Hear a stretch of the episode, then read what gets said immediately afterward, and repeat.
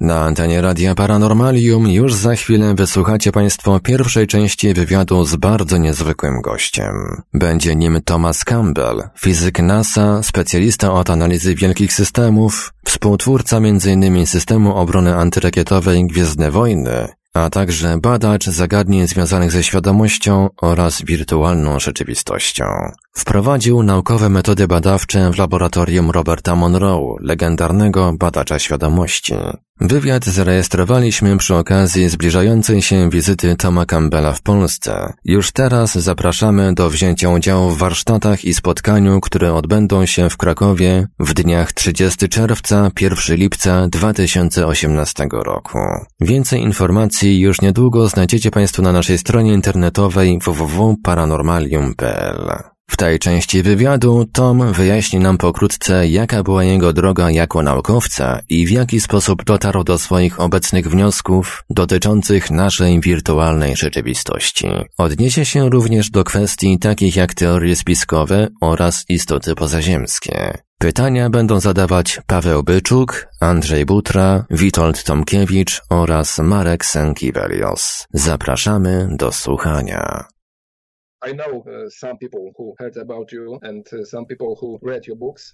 Na początek chcielibyśmy przedstawić Cię, Tomie, ponieważ nie jesteś zbyt dobrze znany w Polsce, choć oczywiście niektórzy czytali Twoje książki. Czy możesz więc przedstawić się i opowiedzieć o sobie?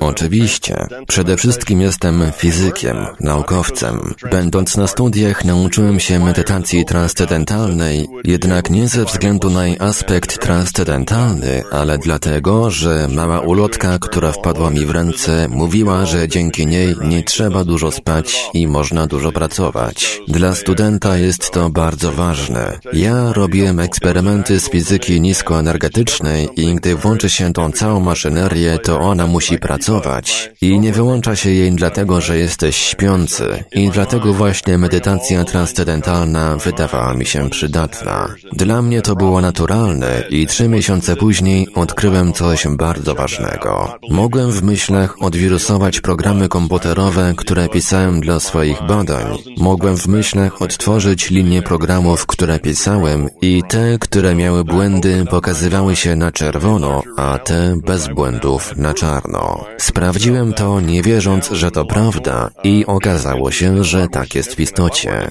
Udawało mi się to robić tysiące razy szybciej, niż gdybym siedział nad tymi kartami i normalnie szukał błędów. To otworzyło mnie na szerszą rzeczywistość. Zdałem sobie sprawę, że rzeczywistość ma więcej wymiarów niż tylko wymiar fizyczny, którego byłem świadom będąc fizykiem. Ukończyłem studia i miałem sposobność poznać człowieka o imieniu Robert Monroe. Bob Monroe napisał książkę Podróże poza ciałem, a także Dalekie podróże i Najdalsza podróż i miał doświadczenie poza ciałem, przy czym to jest zła nazwa dla tych doświadczeń, gdzie jesteś świadomym, ale nie znajdujesz się już w tej ramie rzeczywistości, ale w rzeczywistości innej. Czasami jest związana z tą rzeczywistością i czasami mógł widzieć rzeczy z tej rzeczywistości, które mógł potem sprawdzić, że istnieją. I to było dla niego interesujące. Te wycieczki poza ciałem i to oglądanie rzeczywistości na odległość. Zbudował więc laboratorium, aby badać to naukowo. Nie wiedział jednak, co robić.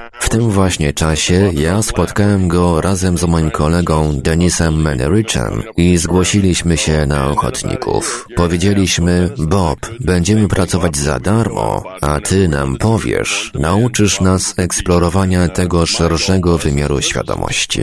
Taka była umowa i my razem z Bobem pracowaliśmy tam około 15 do 20 godzin tygodniowo. On nas uczył i za rok, półtora roku potrafiliśmy robić to, co Bob. Podróżować poza ciałem i oglądać. Moim celem jako fizyka i Denisa, który był elektronikiem, było zrozumieć, jak to wszystko działa, jakie są warunki konieczne do spełnienia, aby to działało, jakie były ograniczenia, co można było robić, a co nie. Moim celem było zrozumieć, jak to działa, a opracowanie modelu, zasad działania zajęło mi kolejne 35 lat. Robiłem eksperymenty w świecie niefizycznym. Mogłem być w innym stanie świadomości i powtórzyć eksperyment, ale zmiana jednej zmiennej, jak i sama zmienna, zmieniała obserwowany wynik. Robiłem tak wiele razy, zmieniając inne zmienne i obserwując wyniki, które można było zmierzyć w tej rzeczywistości. Na przykład obserwacja na odległość, czyli remote viewing, może pomóc zrozumieć informacje pobrane z baz danych.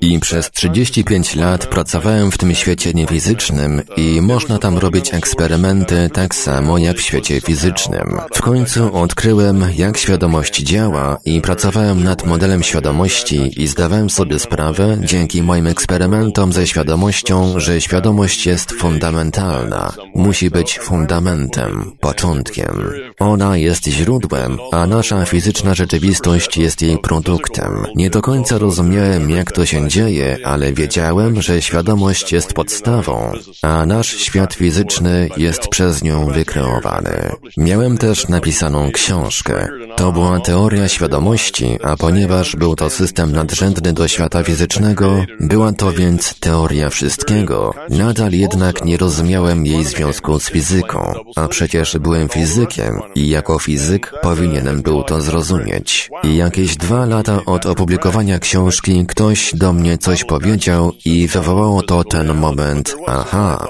I zdałem sobie sprawę, że te same zasady, które stworzyły tę teorię świadomości, także wyjaśniają mechanikę kwantową, wyjaśniają eksperyment Double Slit, pozostałe elementy mechaniki kwantowej i jak gdyby walnęła we mnie to na cegieł. Zdałem sobie sprawę, że będzie takie bezpośrednie połączenie tego modelu świadomości z modelem rzeczywistości fizycznej. I tak właśnie było. Wtedy pomyślałem, że skoro mogę wyjaśnić mechanikę kwantową w sposób racjonalny, choć inni fizycy nie mogli, było powiedziane, że mechanika kwantowa to dziwna nauka, nie można jej zrozumieć, jest poza logiką, a ja mogę wyjaśnić ją moją teorią świadomości, wtedy mechanika kwantowa staje się logiczna jak każda inna nauka. Wtedy też pomyślałem o teorii względności. To następna wielka rzecz w fizyce. Zajęło mi tylko kilka godzin, by zobaczyć, jak można wyjaśnić teorię względności moją teorią świadomości. Podstawą teorii względności jest założenie, że c, czyli prędkość światła, jest stała. Gdy się więc zrozumie, dlaczego c jest stałe, to szczególna teoria względności staje się zwykłą algebrą. Do szczególnej relatywistyki dodaje się grawitację i ma się ogólną teorię względności. Zobaczyłem więc, że mam wytłumaczenie fizyki, teorii względności i mechaniki kwantowej w teorii świadomości. A to dlatego, że moja teoria świadomości oparta jest na założeniu, że świadomość to informacja. I dla ludzi ma to sens, ponieważ jesteśmy świadomi tego, co postrzegamy za pomocą naszych pięciu zmysłów. Tego, co widzimy, słyszymy, dotykamy, wąchamy i smakujemy. To właśnie tworzy naszą rzeczywistość. To jest po prostu informacja. Informacja dyskretna, w impulsach napięcia, które przebiegają w naszym układzie nerwowym. Dyskretna informacja, a więc rzeczywistość to informacja. Świadomość to informacja. Mając takie podejście, zacząłem przyglądać się wszystkim tak zwanym paradoksom w fizyce. Jest ich w fizyce wiele. Rzeczy, zjawiska, których fizycy nie potrafią wyjaśnić. Po prostu nie wiedzą, dlaczego tak się dzieje, a ja swoją teorią świadomości potrafię wytłumaczyć efekt tunelowania, efekt Xino i skąd wzięła się ta kula plazmy tuż przed wielkim wybuchem. To wszystko jest paradoksalne. Nie ma dlatego logiki, ale przyjmując, że świadomość to informacja, pole informacji, To wszystko wyjaśnia. Byłem więc w stanie wyjaśnić fizykę teorią świadomości i z jej pomocą zacząłem także przeglądać się innym paradoksom nauki, filozofii, teologii i zobaczyłem, że te wszystkie paradoksy poddają się temu samemu zrozumieniu i że logiczny proces daje logiczne zrozumienie w tych wszystkich dziedzinach. Wtedy też zacząłem tę naukę umieszczać w moich wideo na YouTube. W książkach nie chciałem dawać za dużo fizyki. W październiku 2016 roku przedstawiłem zestaw 18-17 eksperymentów fizycznych, które, gdyby je wykonać, dałyby mocne uzasadnienie, że nasza rzeczywistość jest wirtualna, czyli oparta jest na informacji i wskazywałoby to na to, że świadomość jest komputerem. Rzeczywistość oparta na informacji musi pochodzić z komputera, więc komputerem jest świadomość. Eksperyment Eksperymenty, które zaproponowałem, mają być przeprowadzone na dobrych uniwersytetach i mają potwierdzić model świadomości i nowy sposób patrzenia na fizykę oczyma komputerowej rzeczywistości wirtualnej. I to jakby całą opowieść o tym, jak fizyk został badaczem świadomości. Przez 40 lat byłem fizykiem i przez 40 lat byłem badaczem świadomości i rezultatem jest TOE, Theory of Everything, teoria wszystkiego która logicznie wyjaśnia, jak działa świadomość. Zjawiska paranormalne stają się normalne. Można obserwować na odległość i weryfikować istnienie telepatii. Możesz dokonywać uzdrowienia przy pomocy umysłu. Te wszystkie paranormalne zjawiska, które były porzucane przez tradycyjną naukę opierającą się na redukcjonistycznym materializmie, one wszystkie mogą być wyjaśnione, jeśli przyjmie się wirtualny charakter naszej rzeczywistości Także to, że te paranormalne zjawiska czasami zachodzą, a czasami nie, również to znajduje uzasadnienie w tym modelu.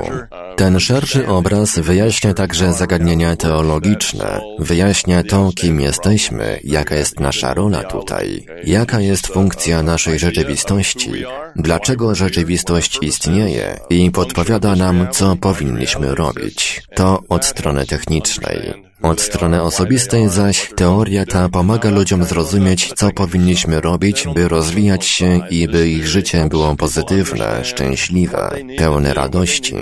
Celem tej rzeczywistości dla nas jest rozwój jakości naszej świadomości. Ja nazywam tę rzeczywistość poligonem, treningiem zmniejszania entropii. Wy możecie nazywać to rozwojem duchowym albo po prostu dorastaniem. I o to właśnie chodzi. I gdy się tego dokonuje, wówczas te negatywne strony życia, takie jak strach, lęk, niezadowolenie, znikają. Teoria ta posiada aspekt nauk miękkich, takich jak teologia, psychologia, filozofia, antropozofia, jak również aspekt nauk twardych, fizyki, mechaniki kwantowej, biologii, neurologii, a poza tym ma również aspekt osobisty. Mówi o tym, jak zoptymalizować naszą egzystencję, życie, nasze doświadczenia w tej rzeczywistości. I w skrócie właśnie o to tutaj chodzi. Szczegółowe wyjaśnienie tego wymagałoby wielu godzin. Zapewniam, że istnieją naukowe podstawy wszystkiego tego, o czym tutaj mówię. To nie jest tak, że wymyśliłem te rzeczy i opowiadam o tym, bo fajnie to brzmi i ludzie lubią tego słuchać. Ja jestem w stanie to wszystko wyprowadzić dowodem logicznym z dwóch założeń. Pierwsze, że świadomość istnieje i drugie, że istnieje ewolucja. Czyli to, że rzeczy zmieniają się w zależności od otoczenia. To, co sprawdza się, trwa nadal, a to, co się nie sprawdza, zostaje wyeliminowane. I mając na uwadze te dwa założenia, wszystko pozostałe to logiczny wywód.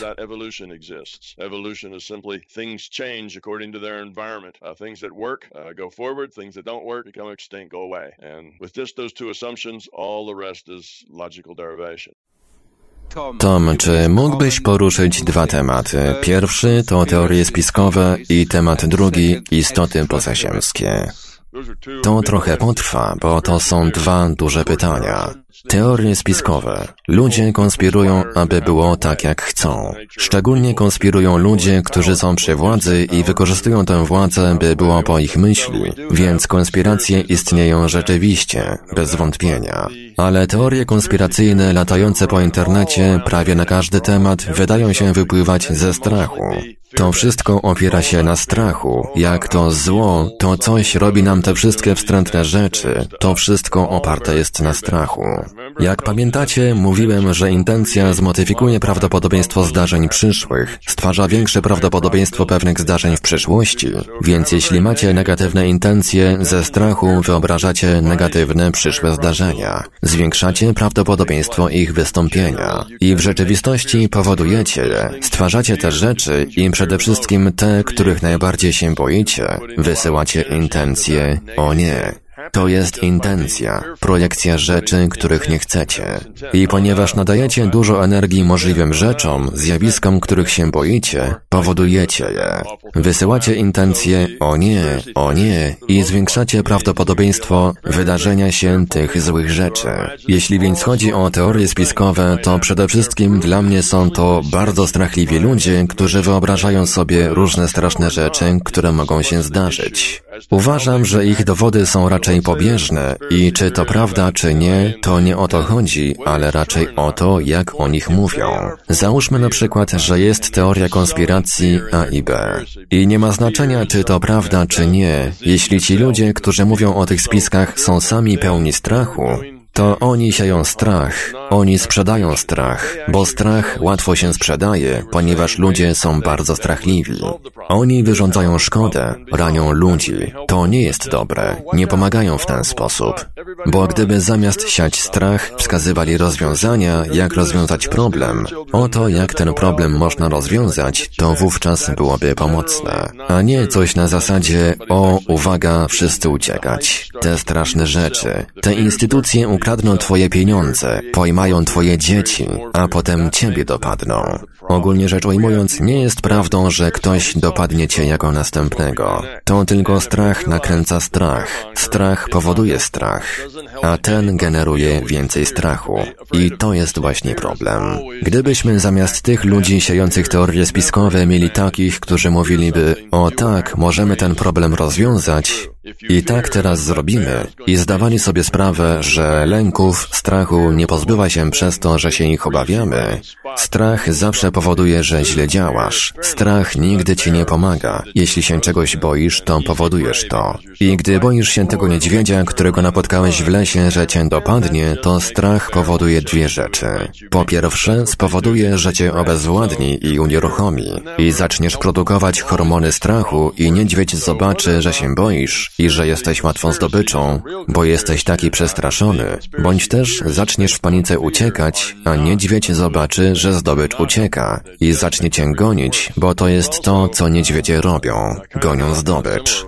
Więc strach nigdy nie jest pomocny. Strach zawsze tylko pogarsza sytuację. Nie ma więc znaczenia, czy dany spisek jest prawdziwy, czy nie. To teorie spiskowe oparte na strachu nie są dobre, nie są pomocne. Wszystko tylko pogarszają.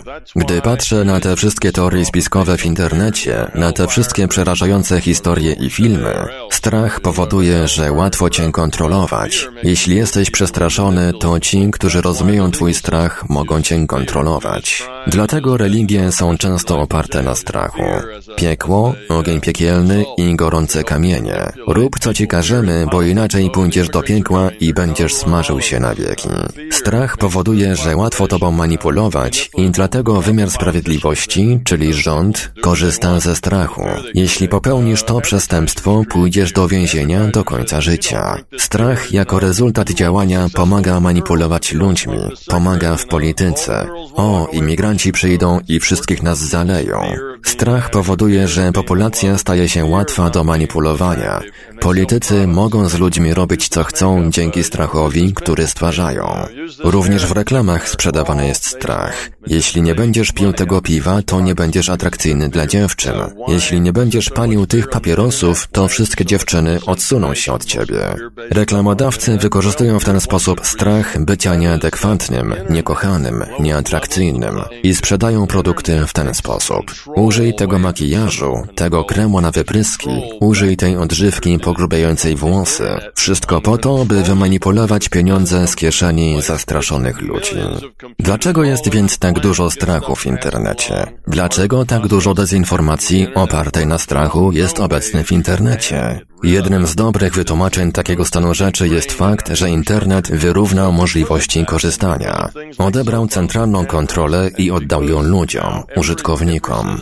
Internet jest niekontrolowalny, bo nie pochodzi od jednego komputera z jednego miejsca, ale to miliony komputerów z różnych miejsc świata przesyłają informacje, i to jest natura internetu i nie można tego zabronić, pozbyć się tego, bo to jest natura infrastruktury.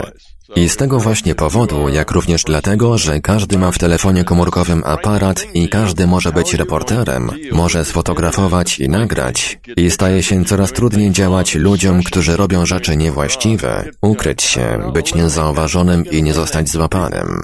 I zdjęcie z tobą, jak robisz coś niewłaściwego, ląduje w internecie. Tak więc, gdy jesteś osobą publiczną, kimś z kręgu władzy i możesz być złapany na czymś takim, mogą być zdjęcia, na których robisz złe rzeczy, rzeczy. Jak pozbędziesz się tego, aby ludzie nie komentowali tego, jak ty działasz? Jak temu zaradzisz? Jak to wyeliminujesz? No cóż, nie możesz pozbyć się internetu, więc go zaśmiecisz dezinformacją. Bardzo trywialną, najbardziej skrajną i niewiarygodną, jak to tylko możliwe. Bo właśnie wtedy rozmywasz wiarygodność wszystkiego, więc gdy ktoś wówczas powie, o, znalazłem zdjęcie tego i tego, jak robią to i tamto, a ty wtedy powiesz, nie, to nie ja, oni to wymyślili, to tylko Photoshop. I ludzie w to wierzą, bo jest tyle śmieci w internecie, że trudno teraz powiedzieć, co jest, a co nie jest prawdą. I rola internetu jako policjanta, reportera śledczego, kogoś, kto łapie na gorącym uczynku, została zredukowana prawie do zera. Więc jest pełno ludzi, którzy są zatrudnieni i opłacani za to, aby zaśmiecali internet nonsensem, głupotami, przerażającymi opowieściami, teoriami spiskowymi, czymkolwiek, co przyciągnie uwagę ludzi i stworzy wrażenie, że nic nie jest prawdziwe i że to wszystko to śmieci. I jak widzę, część tych teorii spiskowych pasuje do tego scenariusza. Nawet te teorie spiskowe o rządzie czyniącym zło są pewnie umieszczone przez ten rząd po to, by ludzie podniecali się i komentowali szczegóły, podczas gdy umykają ich uwadze rzeczy istotne i nie myślą jak temu zapobiec, zamiast tego biegają jak te kurczaki z obciętą głową, krzycząc świat się wali, świat się wali. I nikt nie zwraca uwagi, co naprawdę dzieje się ważnego. Takie jest moje zdanie na temat teorii spiskowych. Nie mówię, że każda taka jest, ale że większość z nich mają za zadanie generować strach, ponieważ strach przyciąga uwagę. Gdy mówią o czymś i nie jest to straszne, nikt na to nie zwraca uwagi. Strach daje władzę, pozwala na manipulację i czyni cię ważnym, jak tylko potrafisz wymyślić straszną historię, jak to nieczysta, zła siła zamierza ich pożreć, czyni cię to ważnym. Niestety wszystkie te straszne historie stworzyły otoczenie pełne strachu, gdzie nasze postawy są łatwo manipulowane. Miliony ludzi są za czymś, a inni przeciwko. Mamy spolaryzowane społeczeństwo i wszystkie te problemy, które tylko rozpraszają przez strach. Chyba już w wystarczającym stopniu omówiliśmy teorie spiskowe. Nie oznacza to, że część z nich nie jest prawdziwa, ale jeśli zamierzasz tylko robić alarm, to nie jesteś rozwiązaniem. Jesteś problemem. Możesz tylko podać informacje, fakty. To inna historia, ale jeżeli ton tego przekazu brzmi ojej, ojej, to nie pomagasz, a wspomagasz problem strachu. Jeśli dostarczasz jedynie faktów, to co innego. To jest pouczające. Stało się to, to i to. Ale dzisiaj kto wie, co z internetu jest faktem, a co fałszem. Jest tam tyle śmieci, że nikt nie odróżni prawdy od fałszu. Nieszczęściem jest to, że tak duża ilość tych teorii spiskowych funkcjonuje w internecie, bo to one produkują strach. Istoty pozaziemskie. To bardzo interesujący temat. Naukowcy podchodzą do istot pozaziemskich w sposób następujący. Wszechświat jest wielki i ma on miliardy, pewnie tryliony słońc, które mogą podtrzymywać życie na planecie i w związku z tym wydaje się bardzo nieprawdopodobne, że jesteśmy jedynymi istotami żyjącymi w tym przeogromnym wszechświecie, czyli że ponieważ wszechświat jest tak wielki, warunki, to jest bardzo prawdopodobne, że życie istnieje także gdzie indziej, a nie tylko tutaj. I myślę, że życie istnieje tylko tutaj na tej małej planecie jest prawie niepoważna. Chyba, że spojrzy się na to w ten sposób, że jeśli jest to rzeczywistość wirtualna, a rzeczywistość wirtualna produkuje, czyli komputuje tylko to, co potrzebuje przedstawić graczom, czyli jeśli to jest gra wirtualnej rzeczywistości istniejąca tylko w umysłach graczy, a system ma wyprodukować tylko to, co graczom potrzeba wysłać, dane, które emulują to, co gracze postrzegają poprzez pięć swoich zmysłów, to wszystkie dane, jakie otrzymujesz. Jeśli więc tak jest, to nie ma miejsca na marnotrawstwo na ten wielki wszechświat, te słońca i te planety, ponieważ to nigdy nie zostaje skomputowane, wytworzone przez komputer. Wszystko, co zostaje stworzone, to tylko światełka na niebie i tylko w bezchmurną noc. Nie jest więc wymagane żadne programowanie i wytwarzanie tego całego wszechświata. Jeśli ktoś weźmie teleskop i spojrzy przez niego w górę, wyślemy Hubble'a i teleskop spojrzy na coś przez sekundę, minutę czy godzinę, jak Hubble patrzy na to. Losowo wybierany jest obraz i on znika, gdy Hubble popatrzy na coś innego. System wytwarza tylko to, co musi wysłać do indywidualnej jednostki świadomości, do jej oka i to ten obserwator widzi. Tak działa system. Komputer musi wysłać do obserwatora to, co on widzi, a gdy obserwator patrzy gdzie indziej, komputer przestaje to wyświetlać. Jeśli obserwator ponownie spojrzy w to samo miejsce, to ten poprzedni obraz staje się już częścią historii i musi pojawić się ponownie. I tak pozostanie do następnej obserwacji. Może zmienić się tylko w naturalny sposób. Tak więc w rzeczywistości wirtualnej nie ma marnotrawstwa. Nic z tych rzeczy. Gdybyś był systemem świadomości, zdałbyś sobie sprawę, że jesteś systemem skończonym. Masz ograniczone zasoby i im więcej masz indywidualnych jednostek, tym masz więcej możliwości. A co za tym idzie, możesz się rozwinąć w większej ilości miejsc, ale przy pewnej dużej liczbie tych jednostek koszt dostarczania danych i zabezpieczania zasobów komputerowych przewyższa korzyści, jakie te jednostki przynoszą. Jest więc taki złoty środek, gdzie masz akurat taką liczbę tych unitów świadomości, że korzyści są największe przy zaangażowanych zasobach. Jest optymalna liczba miejsc dopasowana do wielkości systemu i tego, co system chce osiągnąć. Wiemy, że istnieje nasz system, który nazywamy Ziemią. Ja byłem w kilku innych podobnych systemach, które także wyglądają fizycznie i posiadają istoty. My nie jesteśmy jedyną grą. Powiedzmy, że tuzin takich gier odbywa się równocześnie. Ile miejsc dla graczy one potrzebują? Czy tamte gry odbywają się w naszej rzeczywistości? Nie, to są zupełnie inne rzeczywistości i nie odbywają się w naszym fizycznym wszechświecie. One mają swoje. To tak jak osobne gry World of Warcraft i The Sims. Dwa różne wszechświaty, które nie oddziaływują ze sobą. Istnieje więc równolegle wiele gier i ta szczególna wirtualna rzeczywistość z trylionami słońc również posiada ograniczoną, optymalną liczbę miejsc, te 7 czy 10 czy 15 miliardów. Jakakolwiek jest nasza pojemność. Tak więc nie może istnieć w tym wszechświecie nic więcej niż tylko my. A ten wszechświat może się przykładowo składać tylko z nas i tych małych światełek na niebie. Nic więcej komputer nie tworzy, chyba że ktoś na to spojrzy. Ale gdy tylko ci obserwatorzy przestaną patrzeć i idą na lunch, komputer przestaje to wyświetlać. I gdy Hubble patrzy i robi zdjęcia, to komputer to wyświetla, ale przestaje, gdy Hubble spojrzy na coś innego. Widzicie, nie ma tu miejsca na marnotrawstwo. W rzeczywistości wirtualnej niekoniecznie musi się tak dziać. I to daje nam zupełnie inną perspektywę na zjawiska ET. A co z ludźmi, którzy budząc się rano widzą zielone ludziki u swojego łóżka i mówią ET istnieją, widziałem ich, widziałem ich latający spodek, przelatywał nad moją stodołą, wylądował, wyszli i wyglądali tak i tak. Co z tym? Co to oznacza? Co oznacza widzenie tych ludzików? Ano właśnie to, że ten zielony ludzik z latającego spotka, te dane zostały wstawione w ich strumień informacji. Oni otrzymali te dane i tak właśnie je zinterpretowali. I to wszystko. Dlaczego system włożył im te dane? Z kilku powodów. Po pierwsze, aby ich obudzić, pokazać im, że ten mały świat, w którym żyją, nie jest wszystkim, że istnieje coś więcej niż nasz świat fizyczny, nasza Ziemia i nasz Układ Słoneczny, że istnieje coś więcej i aby otworzyć ich umysły na coś większego. Istnieją trzy różne źródła pozyskiwania danych do własnego strumienia informacji. Tylko jedno z nich to większy system świadomości.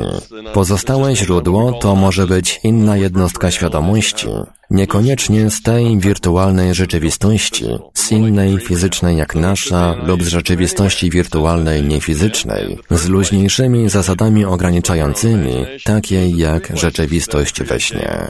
Może to więc być indywidualna jednostka świadomości skądkolwiek, która wysyła te dane, a trzecie źródło, skąd mogą pochodzić dane, informacja jaką otrzymujesz, to Twoja wyobraźnia. Czyli są trzy miejsca, które generują dane, informacje. Ty je stwarzasz, bo ty jesteś świadomością. Inne jednostki świadomości także oraz ten wielki system świadomości.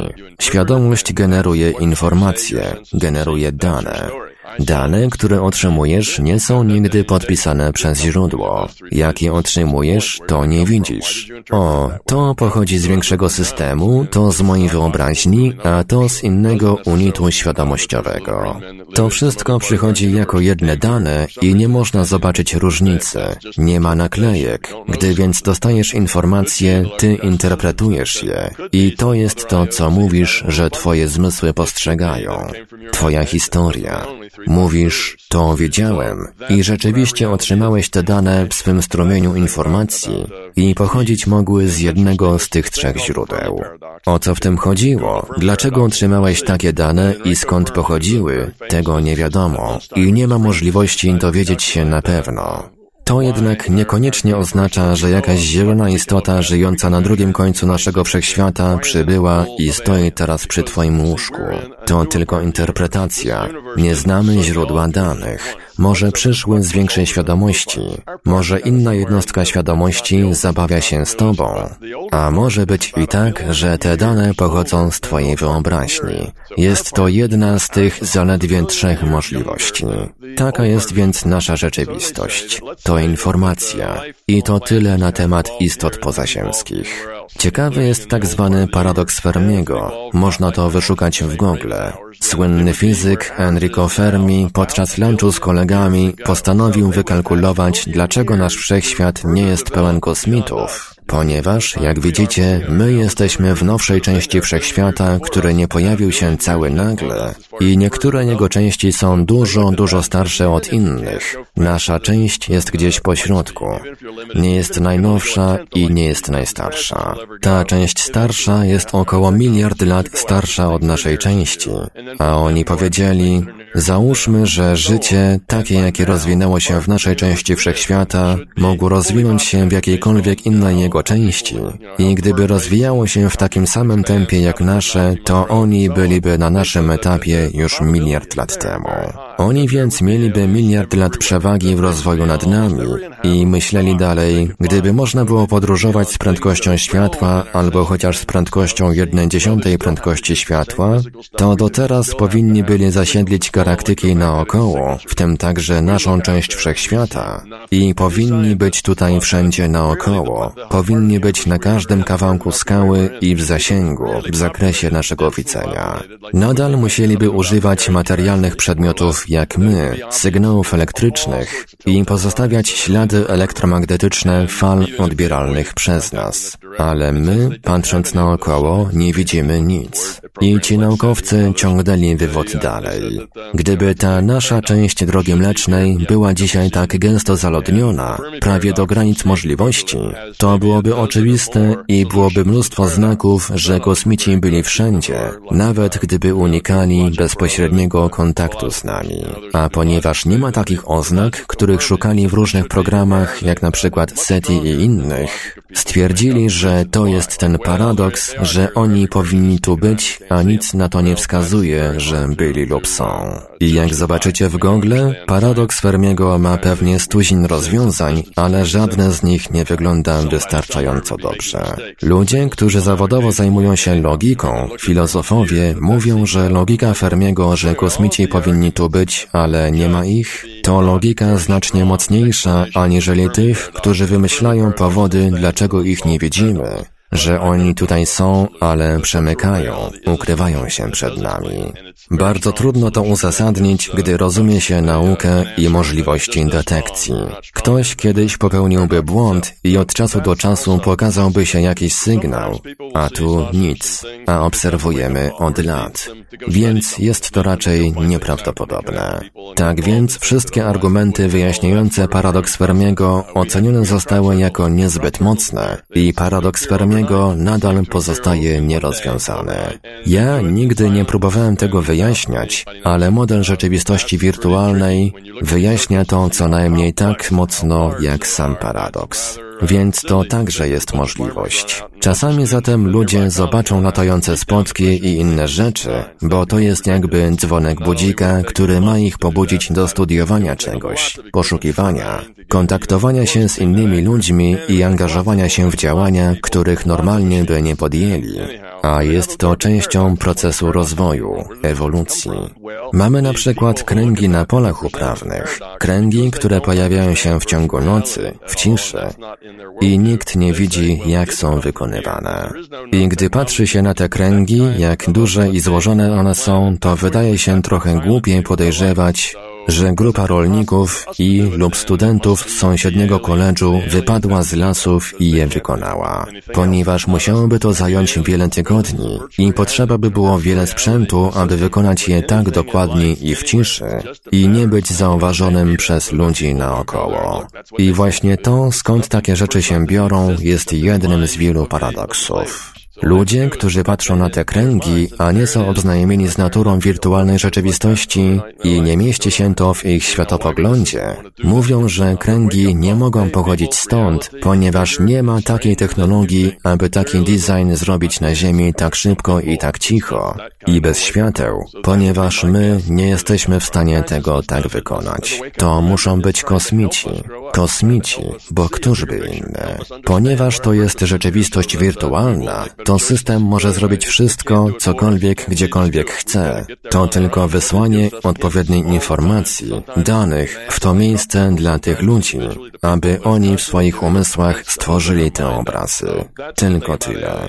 Dlaczego system miałby chcieć to zrobić? To następna pobudka. Hej, ludzie, rzeczywistość jest większa i dziwniejsza, aniżeli wam się wydaje. Materialistyczny światopogląd nie jest odpowiedzią. Jest nią coś więcej. To taki rodzaj pobudki. Jest to moja odpowiedź na to, skąd biorą się takie rzeczy.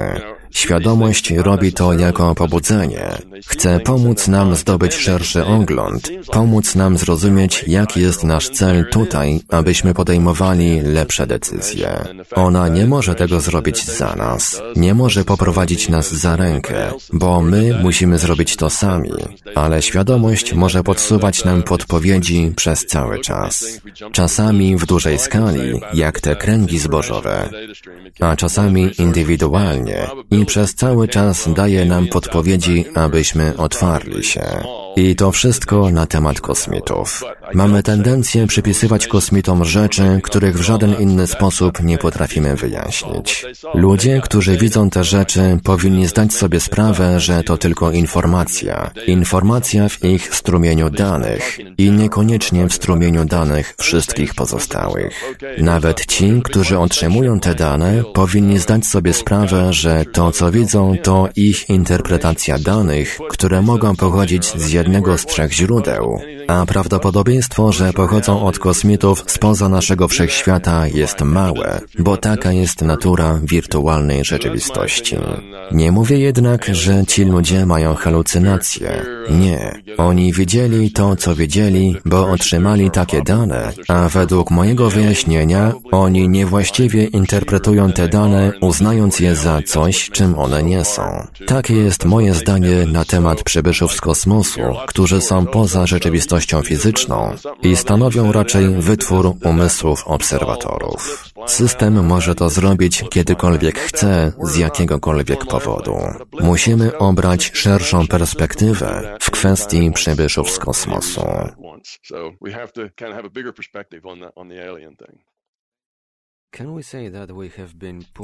Czy można powiedzieć, że ktoś umieścił nas w tej wirtualnej rzeczywistości, czy to my sami się tam umieściliśmy? Mamy wolną wolę i wolny wybór być w tej rzeczywistości wirtualnej. Jeżeli nie chcesz tu być w tej rzeczywistości wirtualnej, to nie musisz tutaj być. Zgodziliśmy się na to mówiąc, tak, chcę się zalogować. Gdybyśmy nie chcieli, nie byłoby nas tutaj. Jesteśmy tutaj na swoje życzenie. Na początku system rozwinął tą rzeczywistość jako poligon treningowy dla redukowania entropii.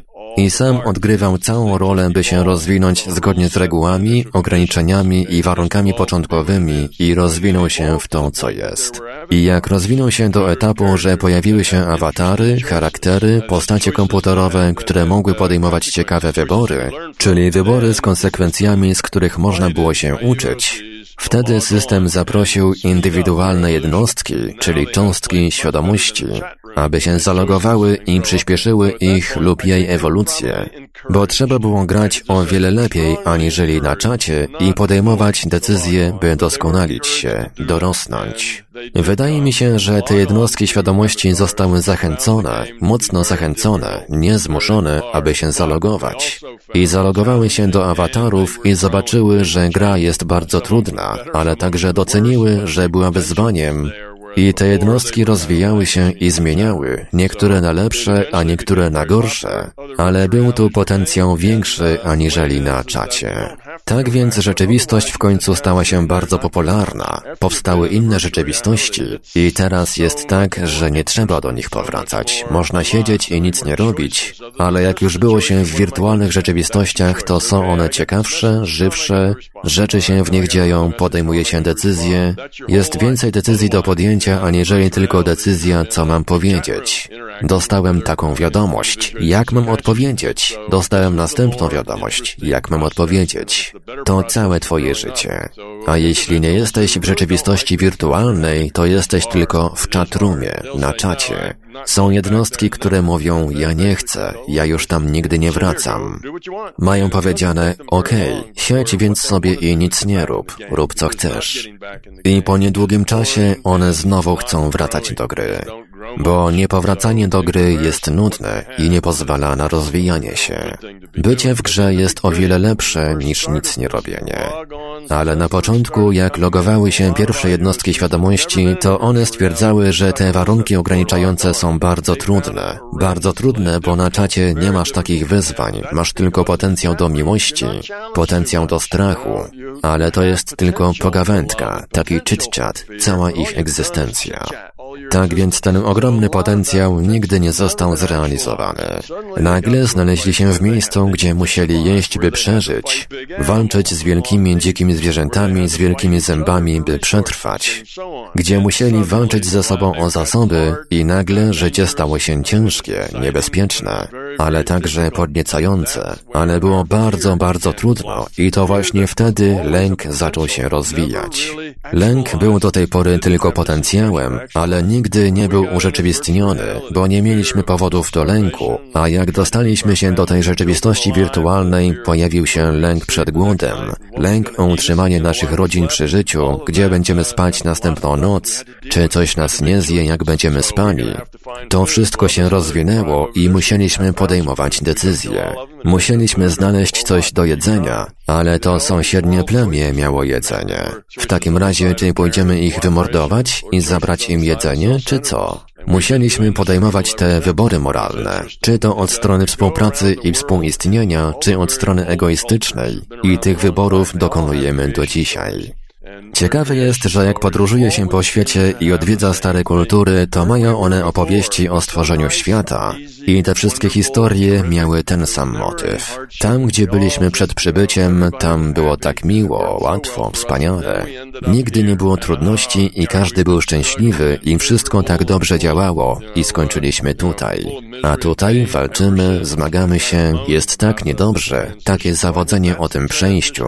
A to jest przejście od do tej rzeczywistości wirtualnej.